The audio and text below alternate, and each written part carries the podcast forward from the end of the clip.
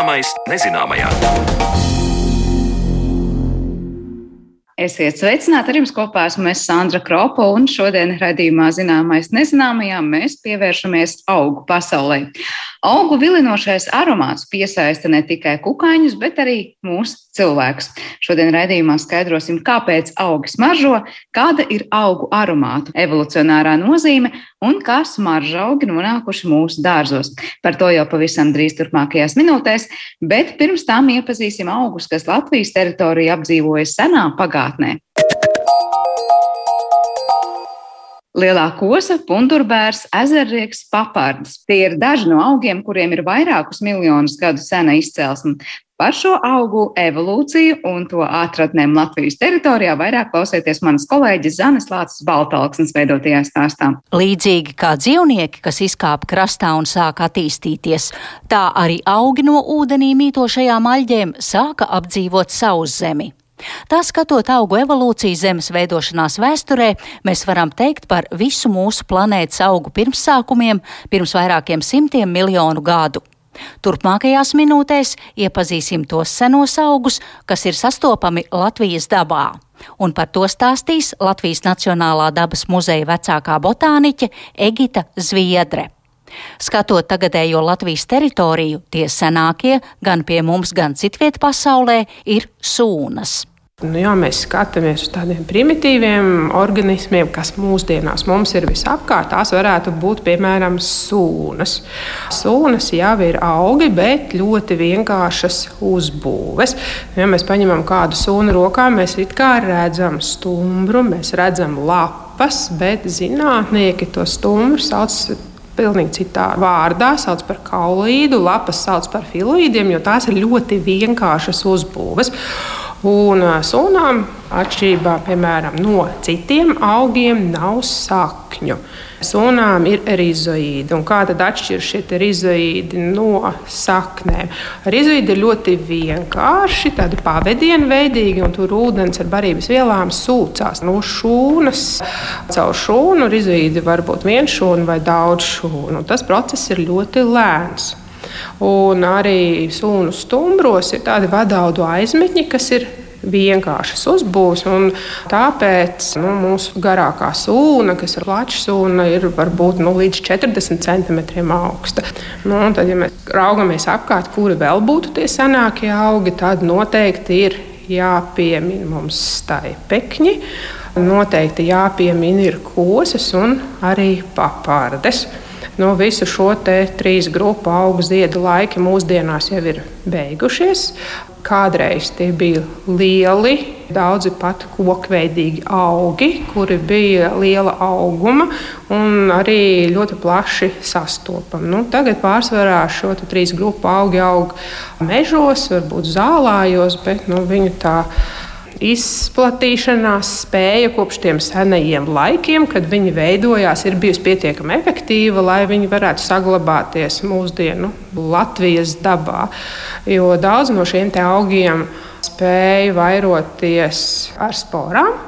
Kā arī, nu, piemēram, kosas ļoti efektīvi vairojās arī ar sakņiem, kas ir dziļi augstnēji. Par kosām runājot, es esmu atradusi informāciju un prasīšu jums, kā tas ir, ka ir minēts, ka lielā kosa ir tas saudabīgākais un retākais augs. Ja mēs runājam par Latvijas teritoriju, jā, tad tā ir reta un aizsargājama suga. Viņa sastopama dabā ir kurzemes pusē, bet nu, jāteic, ka mūsu izpētes līmenis Latvijā arī uzlabojas. Tad, kad notika dabas skaitīšanas projekts, kad tika apsekoti visi iespējamie dabiskie biotopi Latvijā, tad arī atradām jaunu atradni lielajai kosai. Kā koši zaļa pamatīga putekļu slotiņa, lielā kosa var sasniegt pat pusotru metru garumu, un ar šo iespaidīgo izmēru, kā arī ar reto sastopamību, tā atšķiras no citām kosu sugām Latvijā. Skatot tālāk senos augus, pazīstamākās un izplatītākās ir papardes. Zināmākā ir parastā jeb ērgļu paparde, taču pie šiem augiem pieder arī ķekara papardes, par kurām var teikt tāpat kā tajā vecajā anekdotē - zirgu zini nemaz nav līdzīgs. Arī ķekara papardes atgādina visu ko, tikai ne papardi. Nelieli audziņi ar bumbuļainiem ķekariem un savulaik pat ieguva gada auga titulu. Mūsdienās Latvijā ir apmēram 26 apāržu sugas sastopamas. Un jāteic, ka tās ir ļoti atšķirīgas.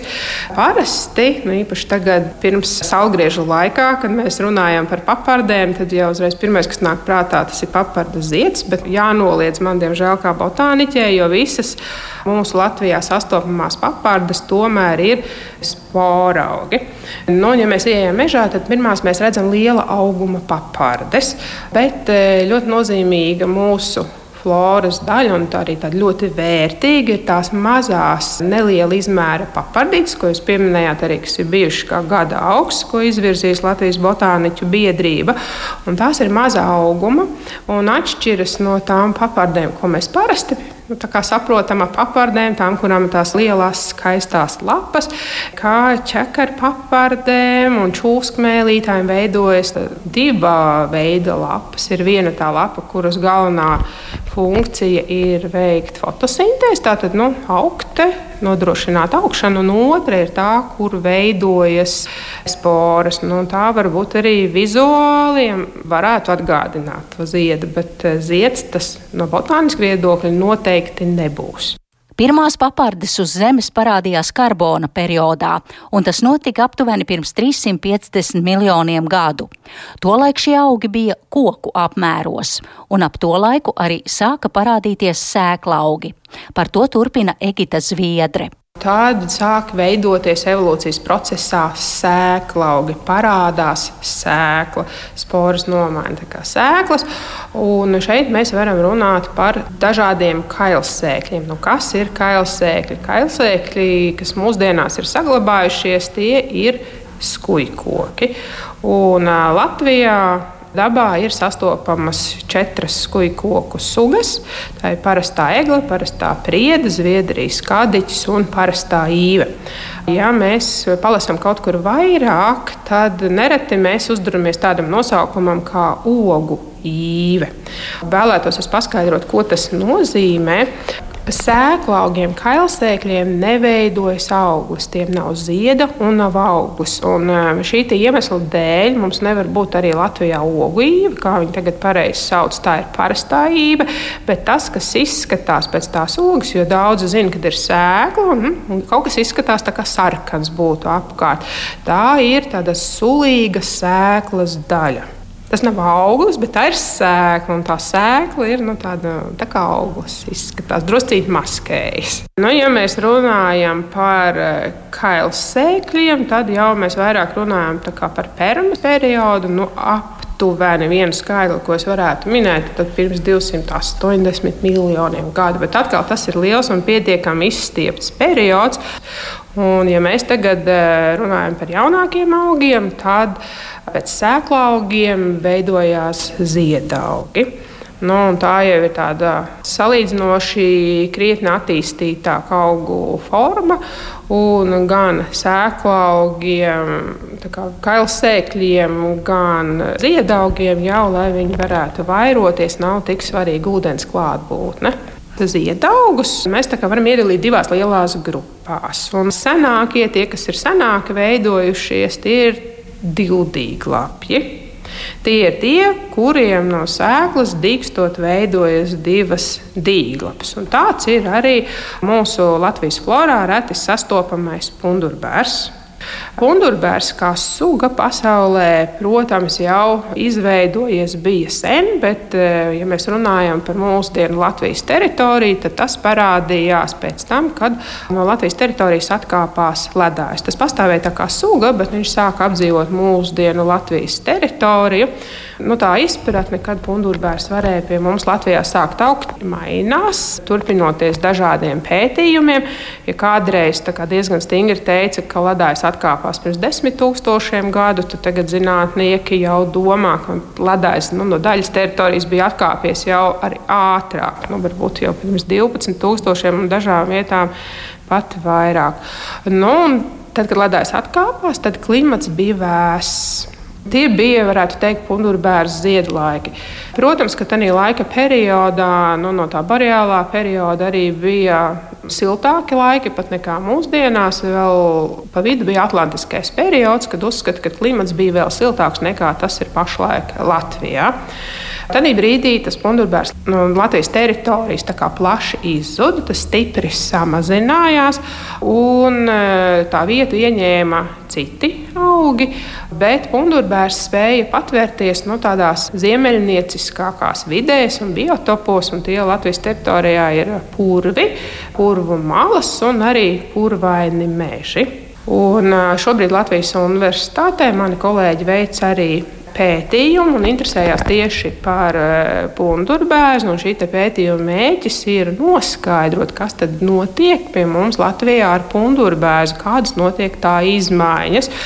Es zinu, ka tur jau ir iegūti arī ļoti interesanti rezultāti. Un, piemēram, nu, man pašai šķita tāds pārsteigums, ko mani kolēģi ir atklājuši, ka dažkārt mēs skatāmies uz to pundurbērnu, mēs redzam pundurbērnu audzi, mēs domājam, ka tie ir dažādi pundurbērni, bet, ja veic analīzes, tad var izrādīties, ka viņš patiesībā ir veidojies no kāda sena pundurbērna, kas pat pēc tam ar saknēm, ar dzinumiem, ir gājis uz priekšu, atdalījies, un viņi ir ģenētiski ļoti līdzīgi.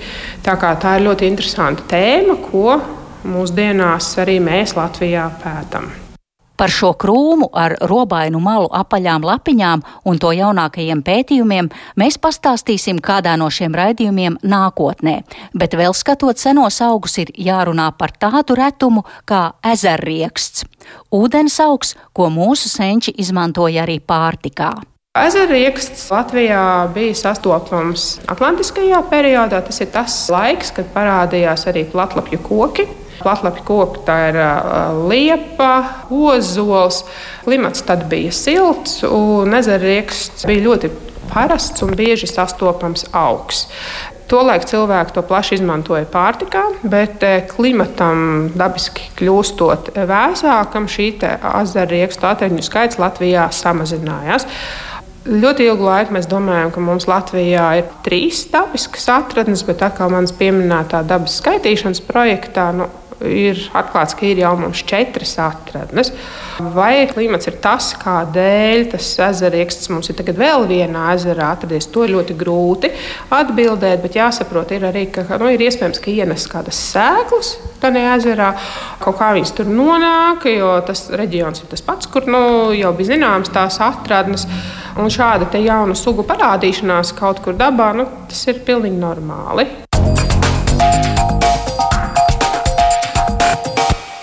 Šis ir laiks, kad dārzos sāka vērties pirmās peonijas ar savu smaržu garām gājējus reibināt sāk jasmīnu, un vasaras sākums Latvijas devā nenoliedzami ir ziedēšanas laiks. Taču kāpēc augi smaržo? Ar šādu jautājumu mūs ir uzrunājis kāda raidījuma klausītāja, un turpmākajās minūtēs mēs skaidrosim, kāda tad ir augu aromātu nozīme dabā un ko no šiem aromātiem spēj uztvert cilvēka deguns. Un par šiem visiem jautājumiem runāt studijā mēs esam aicinājuši Latvijas Universitātes bioloģijas fakultātes profesoru, augu fizioloģijas katedras vadītāja Ģedara Tieviņa. Labdien! Labdien! Jā, un jautājums, kāpēc augi smaržo? Liekas tāds ļoti, ļoti vienkāršs, bet tepat laikā sarežģīts. Droši vien par to šodien arī parunāsim, bet nu, parasti ir tā sajūta, ka jā, augi smaržo un mēs tos uztveram, bet tā visticamāk nav augu primārā nozīme. Kāpēc tie smaržo? Proti, lai lutinātu mūsu deguns un radītu mums patīkams sajūtas. Kā jūs teiktu no tāda evolūcijas viedokļa, no augu fizioloģijas viedokļa, kas ir tas iemesls, kāpēc tā augu pasaule tik fantastiski smaržo? Nu, auga smarža noteikti ir viens no eh, tiem signālu veidiem, eh, kādus eh, izdala dzīvie organismi. Nu, mēs zinām, kā mēs kā cilvēki pēc analoģijas mēs lietojam valodu, mēs sarunājamies, mēs izdodam dažādas skaņas reizēm, mēs varam rādīt kaut kādus žestus. Un, ja ir kāds, kas to uztver un saprot, tad, protams, mums izdodas Eh, izmantot visu šīs saziņas līdzekļus komunikācijā. Un, zināmā mērā eh, augu smarža ir eh, viens no tiem veidiem, kā augi, kā dzīvie organismi komunicē. Tikai tas dīvainākais ir tas, ka ar smaržu augi pārsvarā nekomunicē savā starpā. Un ir pat tāds teiciens, ka augi runā, izmantojot smaržas, bet ir kurli kas gan nav absolūta patiesība, bet nu, līdz, līdz zināmai robežai tā tas ir. Jo principā smarža ir starp organismu komunikācija. Proti, ar smaržu augs augam neko nepateiks par to, ka šeit ir labi vai šeit ir slikti, vai man ir kaut kāda kaitēkļa apsēduši. Tas drīzāk būs kaut kādiem kukaiņiem, kādam citam. Jā, du, tas pirmā daļa, daļai ir pareiza, bet tā nav, tā nav galvenā, un parasti arī šo smaržu mēs arī kā smaržu neustveram. Ja? Tā ir, tie ir gaistošie savienojumi, bet viņi parasti ir daudz mazākās koncentrācijās, un cilvēkiem neatgādinās to, ko mēs saprotam. Protams, mēs vispār nesajūtam tajā brīdī neko, vai mēs to neuztveram kā smaržu, jo mums liekas, ka nesmaržo. Tas ir kaut kāds, nezinu, aromāts, kas gan, gan, gan tā, gan tā jo tās koncentrācijas ir daudz mazākas, kas izdalās no citām auga daļām, nekā tās ir no ziediem. Te mēs runājam par pilnīgi visiem ziedaugiem. Tad pilnīgi visi ziedaugi izdala arī smaržas, kuras mēs nu, tā īsti neustveram. Jā, jā? ne tikai ziedaugi, jā, arī, arī visi citi, citi augi. Un, ja mēs paskatāmies arī no citām organismu grupām, tad, protams, arī mikroorganismi izdala gaistošas savienojumus apkārtējā vidē. Jā, te laikam ir jāparunā par to, kas ir tas gaistošais savienojums un kas ir tā smarža, kurā brīdī tad vai gaistošs savienojums, tātad tie, tie būs kaut kādas konkrētas molekulas, kas, es nezinu, parādās gaisā, kuras izdala augs, bet kuras mēs kā cilvēki neasociējam ar smaržu. Vai Jā, nu, viss, viss ir saistīts, protams, ar to, ka Eh, ir ķīmiski savienojumi, kur var daļēji vai pilnībā atrasties gāzveida stāvoklī. Parasti tas ir process, kas atkarīgs no temperatūras, tad jo siltāks jau šis savienojums vairāk eh, pāriet gāzveida stāvoklī. Un Tātad dzīvie organismi ar eh, atbilstošu ožas receptoru palīdzību var uztvert vai arī nu, var neuztvert šos savienojumus. Nu, cilvēkam tieši tāpat no nu, tāda gaistošie organiskie savienojumi, ko izdala augi, pārvēršas par smaržu tajā brīdī, kad viņi nonāk uz mūsu deguna gļotādas, eh, tur šajā mukozajās epitēlijas slānī izšķīst un iedarbojās ar rožas receptoriem. Un, starp citu, e, tas, ka ožai ļoti liela nozīme bijusi cilvēka evolūcijā, liecina kaut vai šāds fakts, ka cilvēkam ir vairāk nekā 900 dažādu ožas receptoru proteīnu gēnu, kas faktiski viņu šis e, DNS apjoms ir vairāk nekā 1% no kopējā genoma apjoma. Tas tikai parāda to, cik oža ir bijusi svarīga. Bet tas ir kaut kas, ko mēs vairs tā nelietojam, un tas ir kaut kāds tāds reliktais mūsu mantojums genomā, vai, nu, proti, par senajiem laikiem liecinās, vai mēs patiesībā dien dienā saskaramies. Mēs, to, mēs, mēs saskaramies, bet es domāju, vairāk viņi ir neapzināti, ja, un nu, to vairāk uzvedības pētnieki varētu pateikt, cik tam liela nozīme, bet mēs esam iemanījušies komercializēt šo cilvēku spēju Nu, mēs ražojam parfimērijas līdzekļus ar patīkamu smaržu, kuru, kuru var pats uztvert, kur var citi uztvert. Ja, un nu, viss, teiksim, parfimērijas industrija. Ja, e, Tā ir daudz miljardu biznesa, kas lielā mērā, atgriežoties pie mūsu tēmas, balstās uz e, augu smaržām. Tas, kuros apstākļos augs izdalīs šos gaistošos savienojumus, jūs te pieminējāt temperatūru, nozīmē tad, kad ir pietiekoši silts, tur saulains, un es nezinu, vēl kādi citi apstākļi. Tad arī augs var teikt no sevis kaut ko, kaut ko dala ārā. Un kas tas ir? Tas ir no lapām, tas ir no ziediem. Nu no jā, nu te, jā, te jāparunā principā par divām būtiski atšķirīgām lietām. Viena ir uh, ziedu smarža, kas ir eh, šie gaistošie savienojumi, kas izdalās tad, kad zieds atverās, un kur primārā funkcija noteikti ir saistīta ar aputeksnētāju pievilināšanu.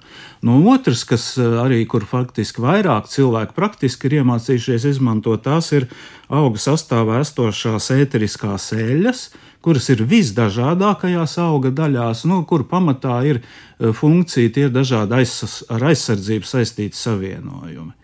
Eh, kur tā viņu pārvēršanās gaistošā formā faktiski ir tikai blakus efekts no viņa ķīmiskajām īpašībām. Ja, tie ir dažādi fenola dabas savienojumi, tie ir eh, īsie augstskābi atvasinājumi, nu, un tie arī ir eh, šie te terpenoīdi, jeb izoprenoīdi savienojumi. Tad nelielas organiskas molekulas. Uh, bet tās ir teikt, nu, noteiktām augu grupām, kurām tās būs vairāk, kas, es nezinu, līdz ar to vairāk būs jau dizainēti uh, aizsargāties no konkrētiem nezinu, uzbrucējiem, kaitēkļiem augu pasaulē. Tad, nu, jā. jo intensīvāk smaržo, jo varbūt. Nu, jā, nu, lielā mērā tur noteikti ir saistība, bet nu, ne visi, kā zināms, ne visiem augiem ir šīs ēteriskās eļas, jā, vairāk ir atsevišķo taksonomisko grupu augiem, un citi augi aizsargājas citos veidos. Nu, viņi, piemēram, ražo indīgus savienojumus, ja? nu, tad neiesaistot šos te gaistošos savienojumus.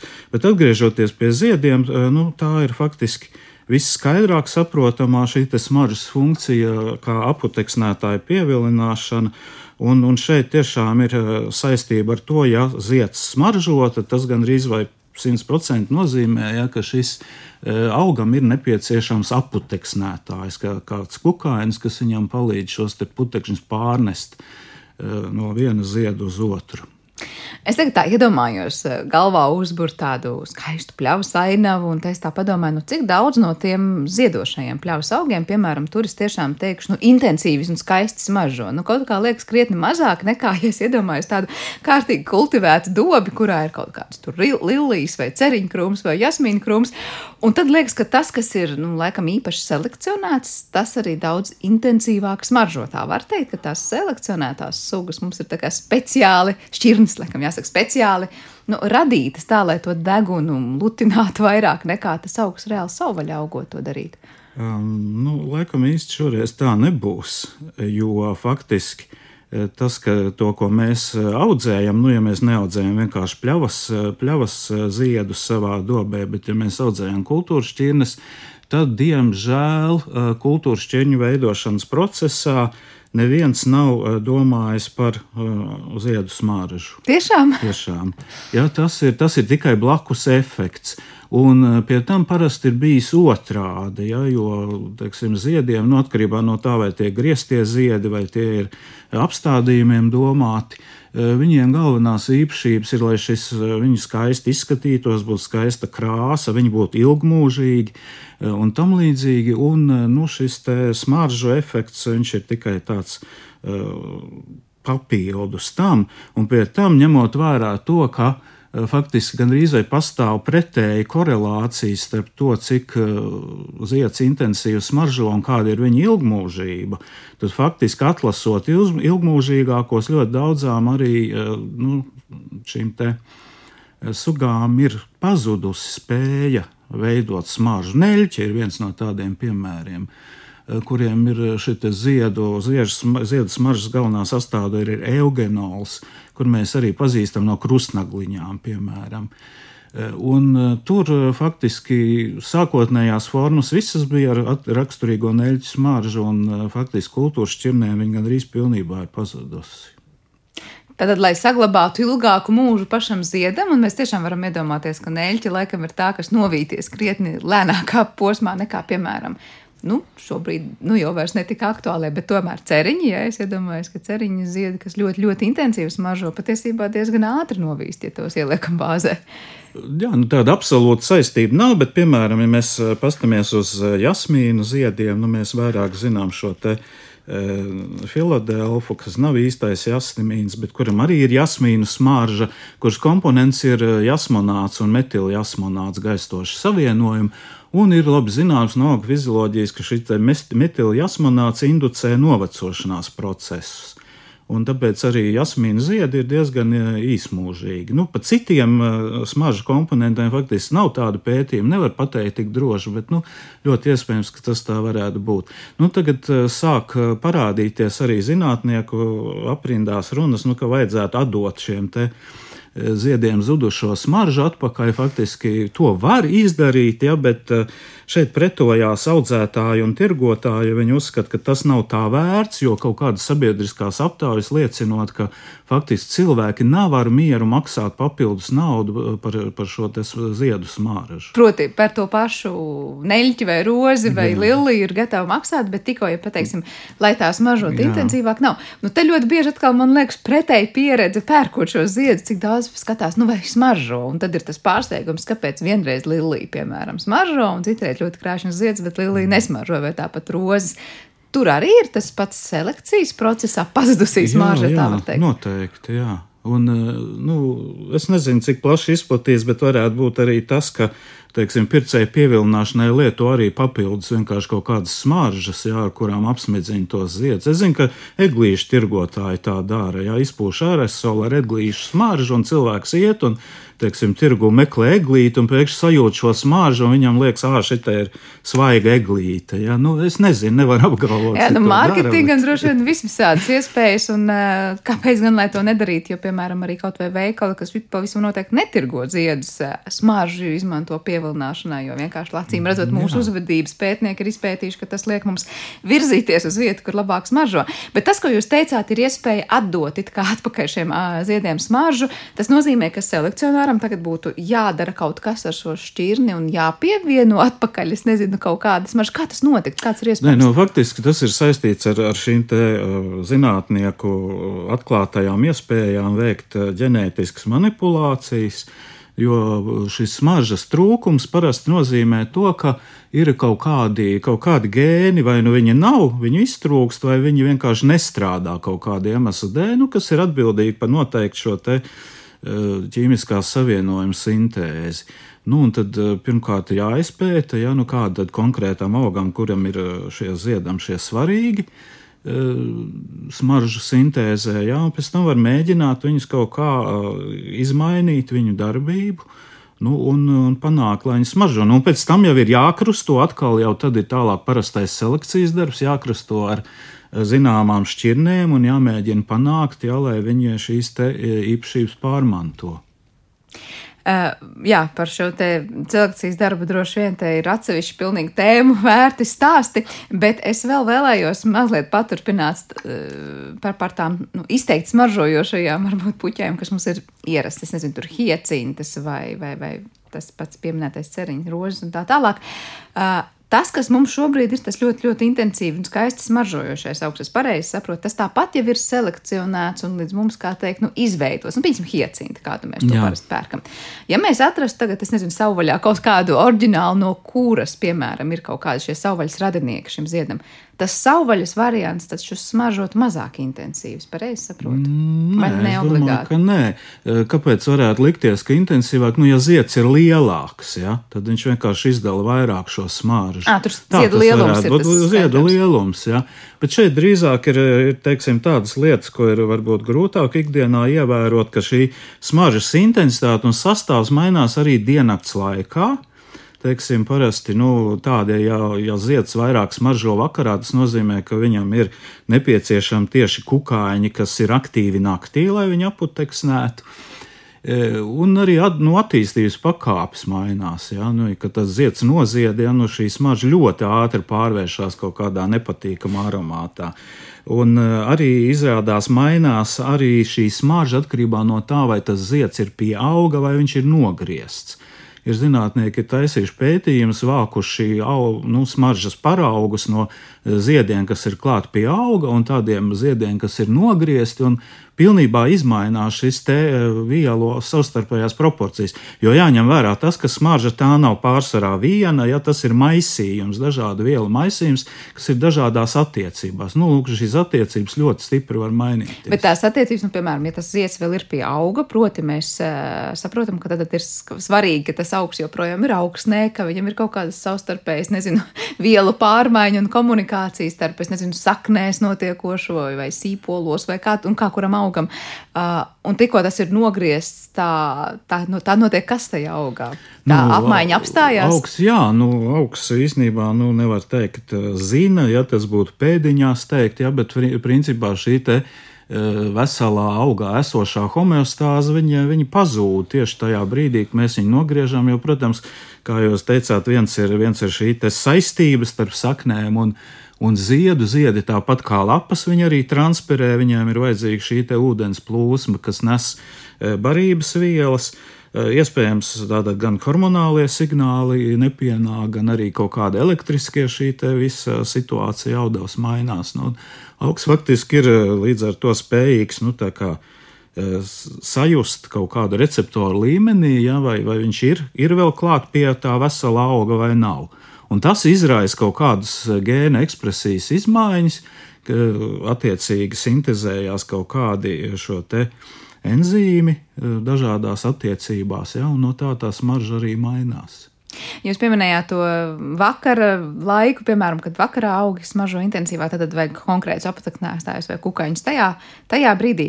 Kā ir ar lietains laiks, saulains laiks, vai ir tādi eksemplāri, kuriem mēs varam teikt, nu, tā smarža uzvirmo tikai tad, kad pēc tam ir nolīs lietas, vai ir kāds skaidrs, skaidrs tāds dzestras gaiss, vai tas drīzāk ir mūsu deguna specifika, mēs sajūtam kaut ko vairāk pēc lietus, tāpēc, ka mums liekas, ka gaiss ir tīrāks. Mm, nu, tur varētu būt arī tas, ka, ka ies iesaistīti ir citi savienojumi. Es domāju, ka tur drīzāk ir te net, tas netveramais fons, e, kas dabā visu laiku ir. Ja, nu, ko mēs sākumā runājām par tie gaistošiem savienojumiem no citām augu daļām, ko mēs it kā neustveram. Ja, bet, bet ir, ir teiksim, nu, svaigas zāles vai kaut kādu koku lapu smarža, ko tieši eh, viņa pastiprinās šī te, nu, izdalīšanās pēc lietas, tā iemesla, nu, ka šī virsma tiek nomazgāta no netīrumiem, putekļiem, ja, un, un faktiski pa atvārsnītēm ja, šie gaistošie savienojumi var izdalīties.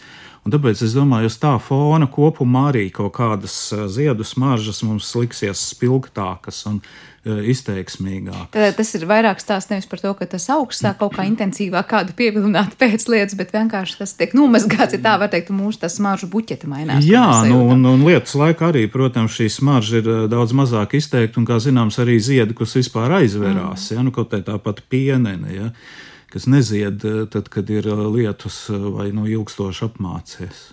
Jūs pieminējāt to zāli. Tas gan nav stāsts par ziedaugu smaržām, bet tā intensīvā smarža, kas rodas pēc tikko svaigi nopļautas zāles, tas arī ir stāsts, ka mēs nopļaujam. Tad ir, var teikt, nu, fo, vieta, kur tām aromātiskajām vielām sev vairāk izteikt, proti, nogriezta zāle, liek vairāk tām, es nezinu, gaisā virmot. Un kas ir tas iemesls, kāpēc nu, svaigas pļauta zāle tik patīkami smaržo? Jā, nu kāpēc tas mums šķiet patīkami, tas ir varbūt cits jautājums, bet viņi smaržo tāpēc, ka faktiski tur ir ir eh, priekšteču savienojums, kurš atrodas eh, auga lapu šūnu vakuolās, un ir eh, enzīms, kas ir citoplazmā, kas var sašķelt šo savienojumu, viņš iegūst smaržas īpašības. Viņš pirms tam nav smaržīgs. Nu, tajā procesā, kad zāli nogriež, tur ievaino audus un faktiski sajaucās tas, kas ir vakuolās, kopā ar to, kas ir citoplazmā, nu, notiek enzimātiska reakcija un izdēlās tas garšošais savienojums. Kā patiesībā tas brīdis, kad mēs sasmaržojam pļautu zāli, ir eh, brīdis, kad mēs sasmažojam to, kas notiek augu šūnās. Jā, jā pavisam mikro pasauli iznāk mūsu deguna priekšplānā. Es vēl gribēju pavaicāt par to saistību starp auga formu un krāsu un smaržu. Jūs minējāt, jo lielāks zieds, jo loģiski tas var būt intensīvāks smaržo, mēs to labāk uztveram. Un patiesībā tas ir tas iemesls, kāpēc liekas, ka varbūt tur īpaši kultivētās uh, hiecintas smaržos labāk nekā dārza augušās. Bet uh, vai ir saistība ar zieda krāsu un smaržu? Kura krāsa smaržo labāk, vai sliktāk, vai intensīvāk? Īsti laikam nav, jo tiem aputeksnētājiem viņam faktiski ir trīs, trīs signālu veidi, kas nāk no zieda. Tā ir gan krāsa, tā ir gan forma, un, un tā ir smarža. Un tas viss būs, nu, kā teikt, darbojās kā kopējais signāls. Nu, un arī noteikti atšķirīgi nu, atkarībā no tā, vai tas ir dienā. Nu, dienā vairāk būs svarīgāk krāsa un forma. Smarža vairāk būs svarīga attālumu, ap attālumu sajust, ja, kur ir šie ziedi vispār lokalizēti. Un pēc tam būs šī te eh, ar redzi eh, uztveramā informācija. Naktī noteikti šai smaržai būs eh, lielāka nozīme. Bet, tāpēc arī saka, ka, nu, es nezinu, vai tas ir pilnībā simtprocentīgi tā, bet, piemēram, ziedi, kas vairāk zied naktī, viņi ir balti jo viņiem nav vajadzīgs šīs spilgtais krāsojums, lai, lai piesaistītu uzmanību, un tātad, jo viņa aputeksnētāji arī darbojās naktī. Nu, tas ir tāda iespējamā saistība. Nu, par to formu un, mm, formu un smāržu ir ļoti interesanti no ekoloģijas viedokļa dažādi piemēri mm, kur, kur tai formai ir svarīga nozīme, nu, tā saucamā ķīmiskā un vizuālā mimikrija. Nu, piemēram, ir orhidejas, Eh, kuras eh, pēc eh, savas zieda formas izliekās par kaut kādas vientuļās bites mātīti. Ja? viņa pilnībā ir, ir pūkaina, ja, un tur kaut kādas detaļas, kas to atgādina. Un otrkārt, viņa izdala uh, arī uh, pievilinošus savienojumus, feromonus, kā izdala šī kukaiņa mātīte. To izdala šis zieds.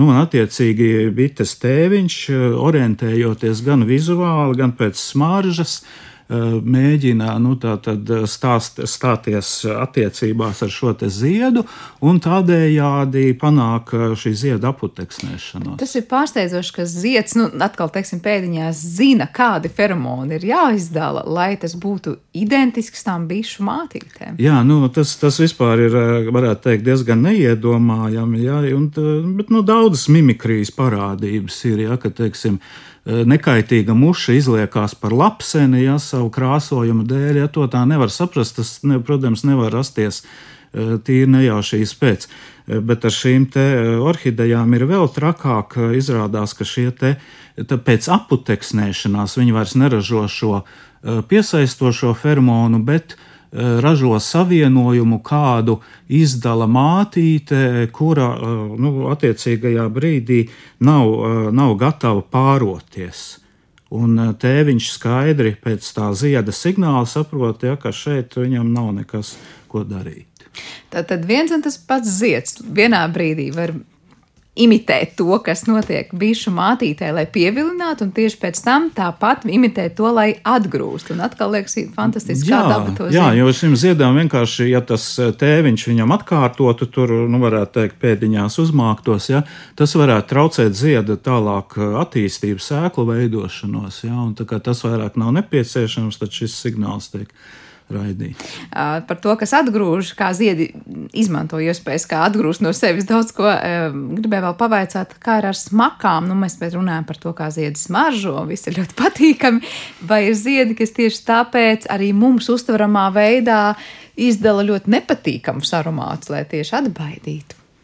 Jā, nu ir, ir piemēri ar atsevišķiem augiem. Te gan vairāk ir tropu, subtropu apgabalos augi, kuriem kuri šo te aputeksnēšanu nodrošina, pievilinot eh, kukaiņus, eh, kuri dēļ olas uz, teiksim, uz nu, dzīvnieku atliekām. Un šim nolūkam šis zieds, viņš faktiski pēc sava izskata arī atgādina nu, beigtu dzīvnieku ja, ar kaut kādām pazīmēm, un izdala arī savienojumus. Faktiski tie ir dimetilsulfīdi, ja, kas ir uh, Eh, nu, tā saucamā universālā līķa smaka, ja, kāda izplatās no, no beigtiem dzīvniekiem. Un faktiski šīs te eh, attiecīgie kukaiņi atlido uz, uz ziedu, un tur eh, dējot olas, dē, olu dēšanas procesā faktiski veic šo te aputeksnēšanu. Līdzīgi esot arī ar ziediem, kurus aputeksnē sikspārņi. Eh, tur arī eh, faktiski sikspārņi tiek pievilināti jā, ar šādu te, nu, varētu teikt, atbaidošu aromātu palīdzību. Jā, to klausoties, liekas pārsteidzoši, kā augu pasaule ir sapratusi, kas ir patīkams, kas ir atbaidošs un kurā brīdī viņiem vajag izmantot vienu vai otru stratēģiju. Pamazām noslēdzot šo sarunu, es gribēju vēl vaicāt par tiem pētījumiem, kas notiek šajā lauciņā. Jūs tik pa laikam jau stāstījāt, bet vai ir tāda augu fizioloģija vai augu pasaulē kopumā nu, tādas tendences, ko pētnieki grib vēl uzzināt par augu smaržām, vai kāpēc tas ir interesanti pētījumi zinātniekiem, industrijai? Es nezinu, kāds tālāk pielietojums varbūt no tā. Nu, noteikti viens, viens virziens ir saistīts ar tām ēteriskajām eļļām. Uh, kuras nu, ir ar ļoti plašu izmantošanas iespēju. Pārsvarā tā ir eh, parfimērija un, un tam līdzīgas nozares. Nu, viss sadzīvē, kur mēs lietojam smaržas, eh, jo tur var gan iegūt jaunas šīs ķīmiskos savienojumus, gan nu, arī izmantot viņu kā izēvielu šo savienojumu ražošanai.